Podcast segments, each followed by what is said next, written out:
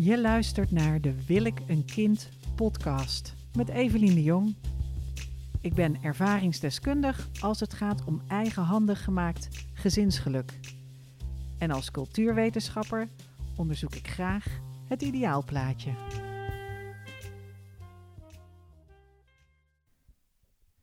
Yo, bekentenissen tijd. Bekentenissen en domme acties waar ik mezelf voor schaam. En waarom ik dit allemaal toch aan je ga verklappen, dat zal ik uitleggen. Ik vroeg in een nieuwsbrief, waar kan ik je mee helpen? En ik kreeg een verrekkes eerlijk antwoord terug. Van iemand die, schreef, geen idee hoe ik geholpen kan worden, want ik praat hier niet over. Ik schaam mezelf voor mijn kinderwens. Dit hele vraagstuk. Super gênant. Ik kan er alleen over beginnen als ik dronken ben. En dan doe ik dat met snot en lange uithalen, want dan voel ik mezelf zielig en mislukt. Ik geloof niet dat hier hulp voor bestaat. Nou, Evelien to the rescue. Toch wel. Soms is het heel goed dat je in een dronken bui op verzenden drukt. En uh, ik neem aan dat het uh, midden in de nacht onder invloed gebeurde. Maar schaamte over je kinderwens is een hele grote drempel van mensen om contact met mij op te nemen, überhaupt. Ik vraag naar drempels. Als mensen een traject bij mij afronden, dan vraag ik: Nou, hè, wat was je doel? Heb je je doel gehaald?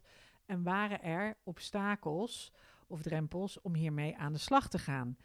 En wat regelmatig wordt opgeschreven is schaamte voor het kinderwensvraagstuk en dat ze het gênant vinden om hier geld aan uit te geven. En dat komt dus omdat ze verwachten en de mensen om hen heen ook de verwachting hebben dat dit vanzelf zou moeten gaan. Dat dit vanzelf iets is wat gebeurt en dat, nou ja, vroeger was het gênant en uh, uh, was het gênant om te internet daten. Dat vertelde je ook niet. Terwijl dat nu toch uh, usance is geworden. Dus het kan ook snel veranderen. Ik begrijp dat je je kunt schamen voor dit hele vraagstuk. Ik begrijp ook dat je aan het, als je gaat daten, dat je dan denkt: ik vink die kinderwens niet aan, want. Um, nou, dat kom ik zo wanhopig over. Ik schaam mezelf ervoor. Dat begrijp ik wel, maar ik keur het niet goed. ja, ongeschikt als je gaat daten en je zoekt iemand die ook kinderen wil, dan vink dat alsjeblieft gewoon aan, als het mogelijk is. Laten we in ieder geval zo duidelijk mogelijk communiceren. Ik zie mezelf als een redelijk schaamteloos persoon. Ik ben natuurlijk niet helemaal schaamteloos. Ik schaam mezelf ook. Uh, uh, ik flapper regelmatig dingen uit waarna ik een groot rood hoofd krijg uh, grote rode plofkop heb, omdat ik denk, oh, gênant. Maar over het algemeen denk ik, boeien wat de rest ervan vindt. Als ik ergens enthousiast over ben, of verward, of verdrietig, of agressief, dan deel ik dat met de mensen. Dus zo kun je op mijn uh, website lezen dat ik ooit chlamydia heb, heb gehad, omdat ik een promiscu studentenleven leidde. Nou, chlamydia en promiscu zijn allebei moeilijke woorden. Als jij weet wat dat betekent, dan begrijp je ook wel wat de situatie was. Hè? Dan kun je er wel begrip voor opbrengen. Is dat naïef? Ja, misschien is dat wel een beetje naïef. Uh, nou, ik zou een bekentenis doen. Ik heb uh, een bekentenis. In de eerste maanden van de allereerste lockdown, twee jaar geleden dus inmiddels, liep ik iedere avond langs de koffieshop. Ja, ging ik een jointje halen, ommetje maken, om mezelf even uit te zetten en te relaxen. Ik weet niet waarom. Gewoon daarom. Kijk, en goede vrienden van mij, die reageerden heel anders op die lockdown. Die hadden een limiet op alcoholische drank. Zo van, ik drink niet meer dan strikt noodzakelijk. Dat is een uitspraak van Reven. Dus niet meer dan twee flessen wijn, of zeven glazen, of drie keer sterk, bellen sterk, cognac. Maar alleen goede kwaliteit. Dat soort vrienden heb ik. Prima. Doe wat je moet doen om de dingen te doorstaan. Dat is mijn allereerste bekentenis. Ik blode. Wij hadden vroeger in mijn woongroep huiswiet. Die uh, werd gekweekt op het dakterras en die lag in van die grote grijze vuilniszakken onder in de kelder. Gewoon bergen met wiet. Ik ben afgestudeerd op de softdrugs. Vond ik ook nog een lange tijd een goed excuus. Omdat ik nou eenmaal hè, als... Uh, uh, ik ben afgestudeerd ik, ik wilde vroeger ambassadeur worden. Ik studeerde politieke cultuur en ik heb in Frankrijk Sciences Po gedaan. En daar in Frankrijk stelt iedereen je twee vragen. Eén, waarom hebben jullie een koningshuis? Een republiek is toch veel beter? Twee, waarom blowen jullie? Je kunt beter intraveneus wijn bij jezelf toedienen. Maar goed, uh, ik moet zeggen, ik blode, want ik ben daar uh, vrij vroeg in de coronaperiode mee gestopt. Uh, eigenlijk eerst dacht ik, ik stop er 100 dagen mee en dan zie ik hoe dat bevalt. Beviel supergoed. Ja, je bent dus veel helderder als je niet bloot. Maakt echt veel uit. Dus uh, daar ben ik nu al, uh, nou, al een heel geruime tijd mee opgehouden. Um, en we, we, verbouwen ook helemaal geen huissuite meer. Dus dan moet je naar die koffieshop en dat zit me ook niet lekker. Al de drugsgebruik zit me eigenlijk niet lekker. En sinds begin dit jaar, 2022, zeggen en schrijven 2022, ben ik ook van de drank af. Ik dronk al niet zoveel. Ik hou wel heel erg van Belgisch bier. En van gin tonics hou ik ook. Belgisch bier en gin tonics. Daar kon je me voor wakker maken. Maar um, ik ben gestopt met drinken. Is dit dan een gênante bekentenis? Oké. Uh, ik kan nog wel een andere bekentenis doen over dat blowen. Ik was ook nog eens een hele... Uh, slechte uh, stoner. Want ik ben een ontzettend luie draaier en een hele slechte doorgever.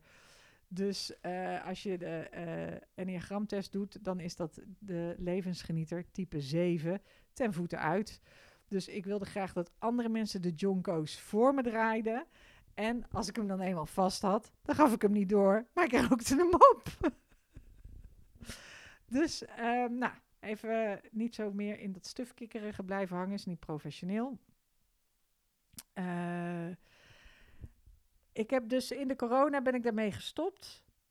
Omdat ik toe was aan iets nieuws. En nu ben ik dus ook gestopt met drinken. Wat blijft er nou nog over? Vraag je af. Koffie en chocola. Ja, koffie ook niet te laat meer op de dag. Je wordt toch wijs, jongen, als je zo uh, tegen de 49 gaat. En um, uh, winterzwemmen. Ja, dat is nog eens lekker. Dat geeft ook een kick. Kost niks. En uh, ben je meteen wakker. Hm. Enfin, heel veel mensen gebruiken iets gewoon om te dealen met de dingen. Iedereen heeft een kopingsmechanism. Nou, dit is slecht Nederlands. Dit is helemaal geen Nederlands, het is Engels. Een kopingsmechanism. Iets wat ze gebruiken om ergens mee te dealen. is ook slecht Nederlands. Iets dat ze gebruiken om de dingen behapbaar te maken. Om ermee om te kunnen gaan. En uiteindelijk heeft die schaamteloosheid, die brengt je ook uh, verder. Omdat als je heel eerlijk bent en heel schaamteloos, dan, dat is de hele reden dat ik, dat ik dit bedrijf begonnen ben, is omdat ik iedereen schaamteloos vertelde over mijn kinderwens. Dat is de hele reden dat wil ik een kind bestaat. En je hiervoor schamen is slecht voor je. Je moet jezelf niet schamen voor je privéleven. Het is begrijpelijk, maar het is niet goed. Ik heb mezelf geschaamd omdat er niemand een kind met me wilde. En ik heb dagboeken vol geschreven. Ik draai me om en ik kijk naar de kast. Ik zie gewoon anderhalve meter uh, papier die vol geschreven staan met gepiep en gepieker en gejeremieer. En nog kan het schaamrood me naar de kaken uh, stijgen als ik terugdenk uh, aan, aan bepaalde frasen of zinnen of dingen die ik heb gedaan toen ik zo worstelde met de liefde en mijn kinderwens als je denkt, hè, dat, dat weten jullie inmiddels wel, dat ik ooit een kind vroeg aan een minnaar en dat dat niet heel intelligent was. Dat was best wel stom. Nou, ik heb ook een keer een interview gegeven aan RTL Nieuws. Dat leverde ook lekkere comments op. En dat uh, de kop was, uh, ik, vroeg, ik vroeg een kind aan mijn minnaar en ik kreeg alleen maar sterf, heks, je bent een hoer, je moet dood, weet ik veel. Maar goed, in mijn voordeel is het dan wel weer dat ik dat schaamteloos meneer, eh, naast meneer kan leggen. En ehm, de, de schaamte de schaamte en de belemmerende overtuigingen zijn interessant. Het zijn interessante dingen omdat het je leert waar, waar je aan moet werken. Zo, komt er heel moeilijk uit. Brene Brown heeft ook een hele, uh, een hele TED-talk over schaamte. En uh, ze zegt: schamen is, jezelf, is slechter voor jezelf dan jezelf de schuld geven. Schaamte is echt evil, zegt zij. Uh, het verschil tussen schaamte en schuld. Precies. Ik weet niet waarom ik blijf haperen. Schuld betekent non de. Ik heb iets verkeerd gedaan, het is mijn schuld. Het is mijn schuld, ik heb iets verkeerd gedaan. Schaamte is, ik ben mislukt. Ja, daar is hij. Hè? Dus de ik ben mislukt. En dat is misschien herkenbaar als je naar deze podcast luistert, is dat je jezelf zo schaamt voor je kinderwens, omdat je denkt, ik verdien het niet om een kind te krijgen. Ik kan niet eens een kind, ik kan niet eens een vriend krijgen. Of ik verdien het niet om een kind te krijgen, want ik val altijd op de verkeerde mannen. Ik, misschien moet ik wel geen moeder worden, want niemand wil een kind met mij. Misschien moet ik wel geen moeder wonen, want ik woon niet ineens in een echt huis, maar in een woongroep. En dat heb je al heel snel bij je kinderwens. Bij je kinderwens denk je: waarom? Wat is er mis met mij? Ik deug niet. Ongeschikt. Stop daarmee. Professor Brene Brown die legt uit in haar podcast over schaamte en verantwoordelijkheid dat er een verschil zit tussen wat je denkt dat je bent en wat je denkt dat je verkeerd hebt gedaan. En voor dat laatste is er een oplossing. Je kunt je gedrag veranderen, want je bent verantwoordelijk voor je gedrag. Maar je bent niet mislukt. En als je je ergens voor schaamt, dan hoef je daar dus geen verantwoordelijkheid voor te nemen, want het kan helemaal niet. Dus als je je schaamt voor je kinderwens, dan is dat zo. Dan ben je mislukt in je kinderwens, maar dat is een gegeven. Terwijl als er iets uh, als je iets verkeerd hebt gedaan, dan is dat gedrag en gedrag kun je veranderen. Je bent verantwoordelijk voor je gedrag, ook als je jezelf onverantwoordelijk gedraagt. Um, en dat, die, die schaamte en verantwoordelijkheid is iets wat ik ook herken als een soort van opvoedingshype. Dus ik zie heel erg, kinderen schamen zichzelf ook. Hè? Dus als uh, mijn dochter Vesper iets heel, uh, heel verkeerds heeft gedaan, en dat doet ze wel eens af en toe, en je begint er tegen haar over, dan kruipt ze weg. Omdat zij nog samenvalt met het gedrag dat ze vertoont. Dus ze maakt geen onderscheid tussen wie ze is en de dingen die ze heeft gedaan. En dat deze al als heel klein kind heeft ze ooit eens in, in de. Uh, in haar bedje, een heel boekje, uiterst uh, stil, helemaal aan gort gescheurd. In hele kleine snippertjes. Dat heeft ze heel lang, heel stil zitten doen. En toen kwamen wij kijken. En toen leek het wel alsof het gesneeuwd had in de kinderkamer. Ik, kinderkamer, ik heb niet eens een kinderkamer. In het kindergedeelte. Ik denk, wat is dit nou?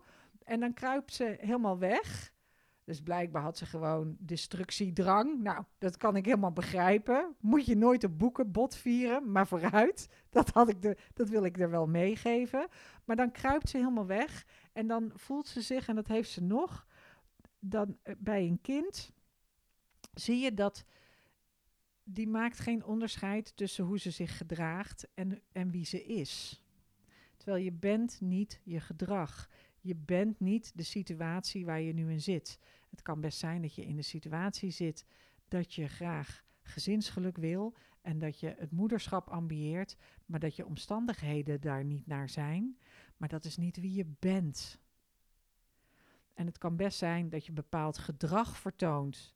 Dat maakt dat je niet verder kunt, maar dat is niet wie je bent. En dat zie je dus in die opvoedhype zat, zie, je, nou, je ziet het overal. Ik zat pas in Artes bij de grote speeltuin naast een moeder die ook echt aan zo'n kind zat van, oké, en wat gebeurde er toen? En had je iets anders kunnen doen? En wat vond je daarvan? En had je op een andere manier kunnen reageren? En uh, nou, vond ik heel schattig. Maar die dus, dus die heel erg, je moet ook als je een kind beloont, het gedrag belonen en niet zeggen, oh wat ben jij knap, je hebt iets heel knaps gedaan. Je moet zeggen, wat heb je hard gewerkt? Omdat kinderen dan doorkrijgen, oh ja, als ik hard werk, dan gebeuren er goede dingen. Tenminste, hè? Nou ja, laten we daar, don't go there. Laten we daar niet. Uh, uh, op zich, als je hard werkt, dan kom je verder in het leven. Dus wat je doet is, je beloont het gedrag, niet het kind zelf. Als je zegt tegen een kind, wat ben je knap, wat ben je slim, wat ben je goed, dan heeft dat kind een probleem zodra het faalt. Want dan blijkt dat knap, slim en goed is gewoon een leugen. Want ze is niet knap, slim en goed, want het, want het, het lukt niet. Dus wat ben je dan? Dan ben je mislukt. Maar als je nou tegen een kind zegt, wat werk je hard, wat heb je goed geoefend, wat heb je goed doorgezet, dan heeft een kind instrumenten te pakken, middelen te pakken om succes te behalen. Niet dat ieder kind succesvol hoeft te zijn in alles. Ik ben niet zo'n succeskoningin. Uh, maar als iets dan niet lukt, dan kun je gedrag aanpassen. Dan kun je op een andere manier werken. Je kunt meer oefenen. Je kunt doorzetten, langer volhouden. Mensen die weten dat vraagstukken draaien om hun gedrag en niet om wie ze zijn, die schamen zich er niet voor dat het niet lukt. Maar die nemen hun verantwoordelijkheid. Na, na. Epiphany toch? Dit is toch een openbaring? Je staat nu toch te dansen op de banken en de stoelen. Want dit geldt niet alleen voor mensen onder de meter, voor de kleuters en de peuters en de druimessen. Dit geldt dus ook voor grote mensen. Jee!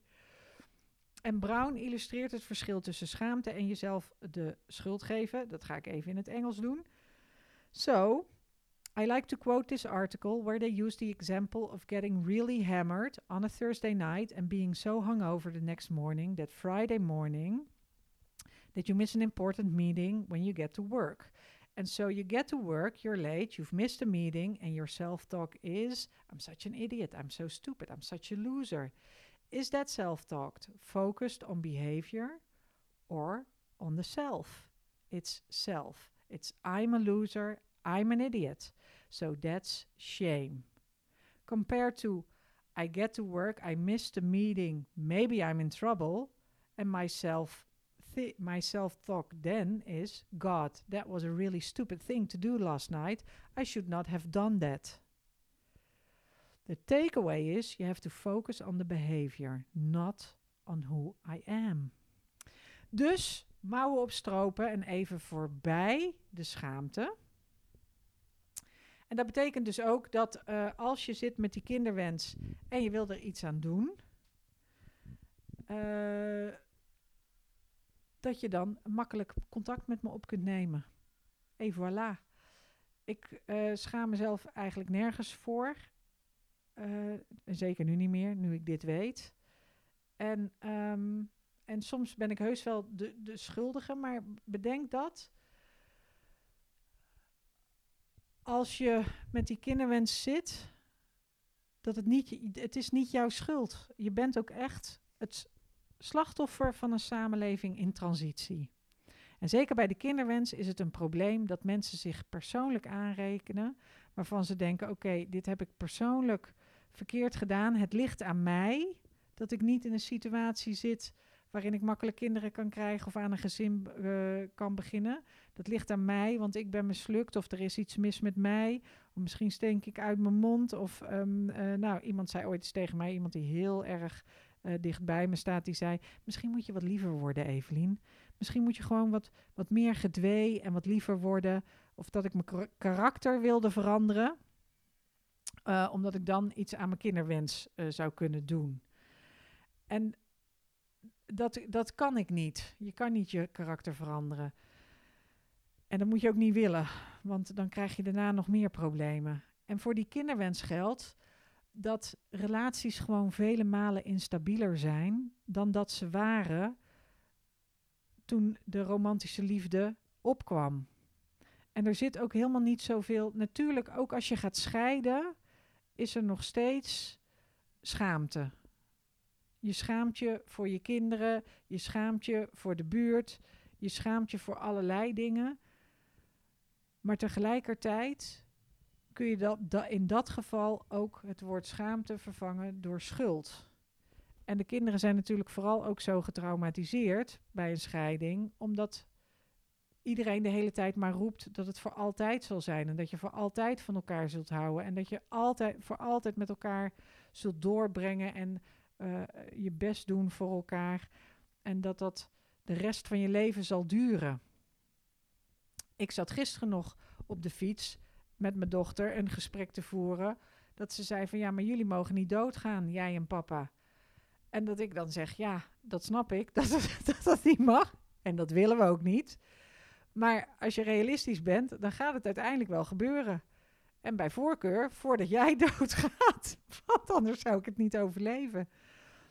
En het is goed om jezelf uh, de rekenschap van te geven dat op dit moment het gewoon, zeker als je hoog opgeleid bent of lang gestudeerd hebt of, of veel, um, nou ja, onderwijs is de beste vorm van conceptie.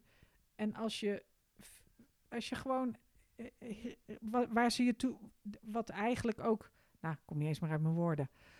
Wat de samenleving wil, is dat jij als vrouw, net zo als dat mannen dat kunnen, je eigen broek op kunt houden, je eigen leven kunt leiden, autonoom kunt zijn, carrière kunt maken, uh, ook nog even tussen de, lippen, de neus en lippen door voor je ouders zorgen en voor het huishouden zorgen. En mantelzorgen voor de buurt en in allerlei commissies zitten en de culturele sector overeind houden. En alle andere uh, zogenaamde vrouwendingen doen.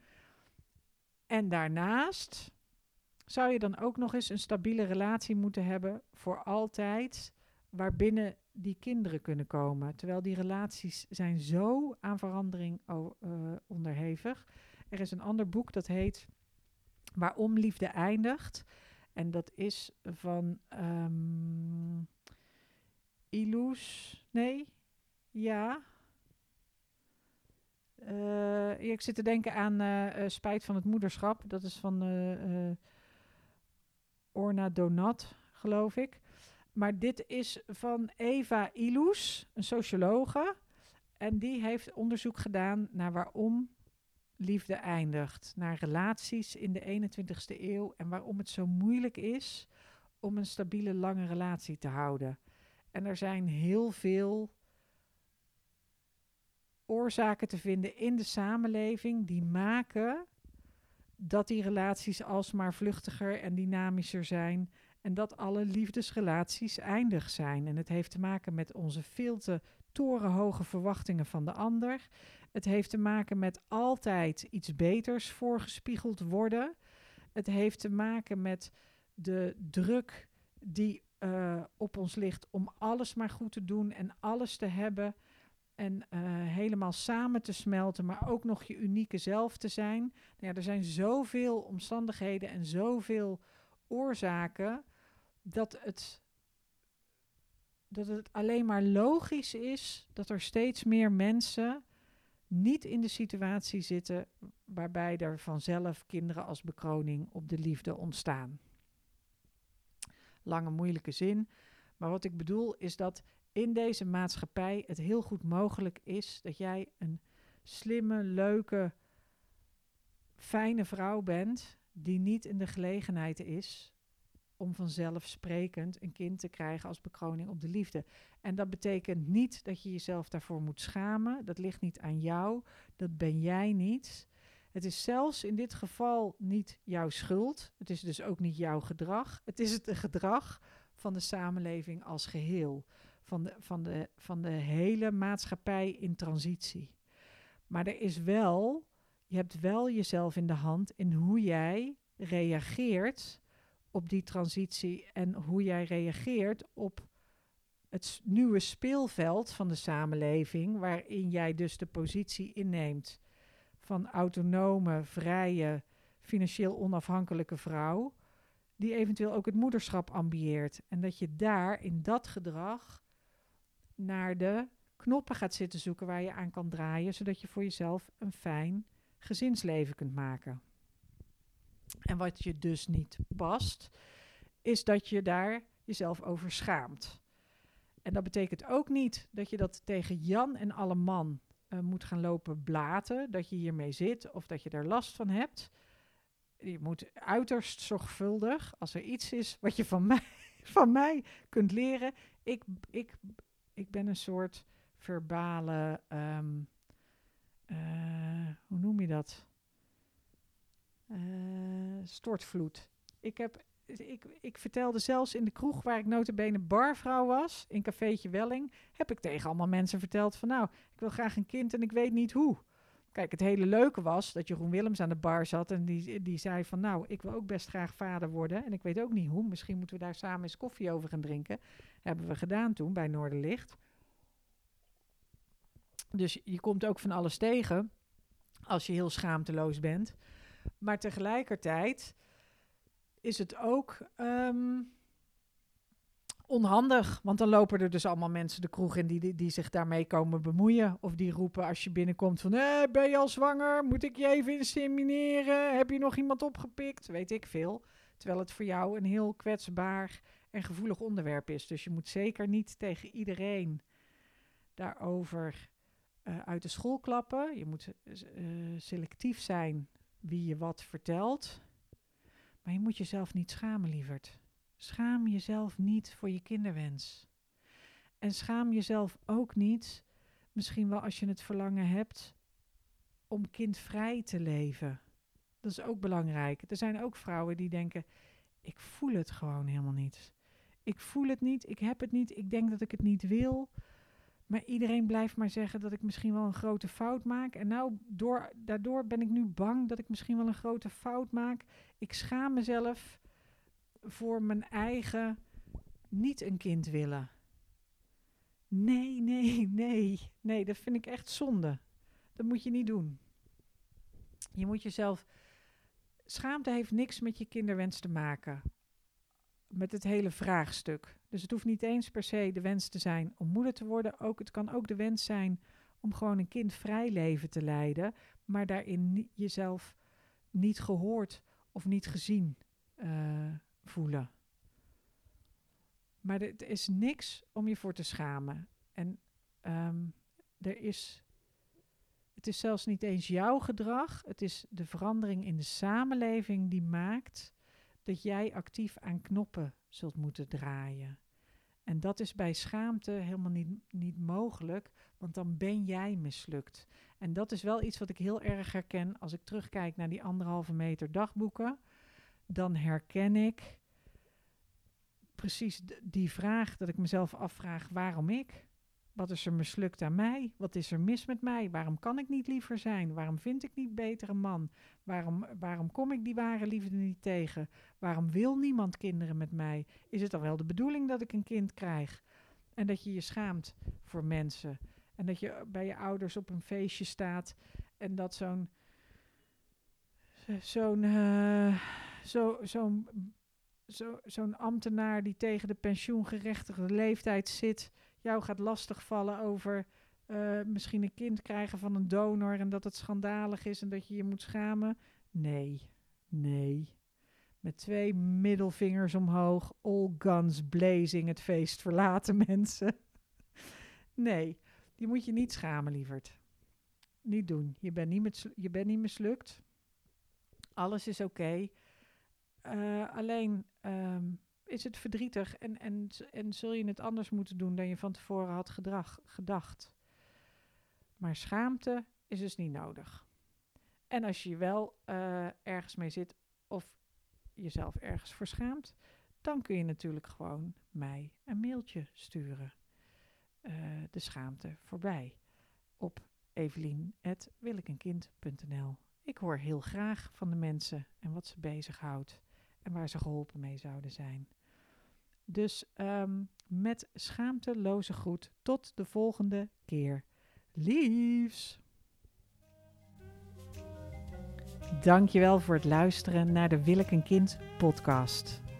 Vond je dit goed en waardevol? Geef een duimpje omhoog of laat een review achter. Dan kunnen andere mensen deze podcast ook vinden. Wil je mij persoonlijk een vraag stellen of iets laten weten? Je vindt Wil ik een kind op Instagram. Daar heet ik Wil ik een kind. Of je kunt me een mailtje sturen. info@wilikenkind.nl Fijne dag!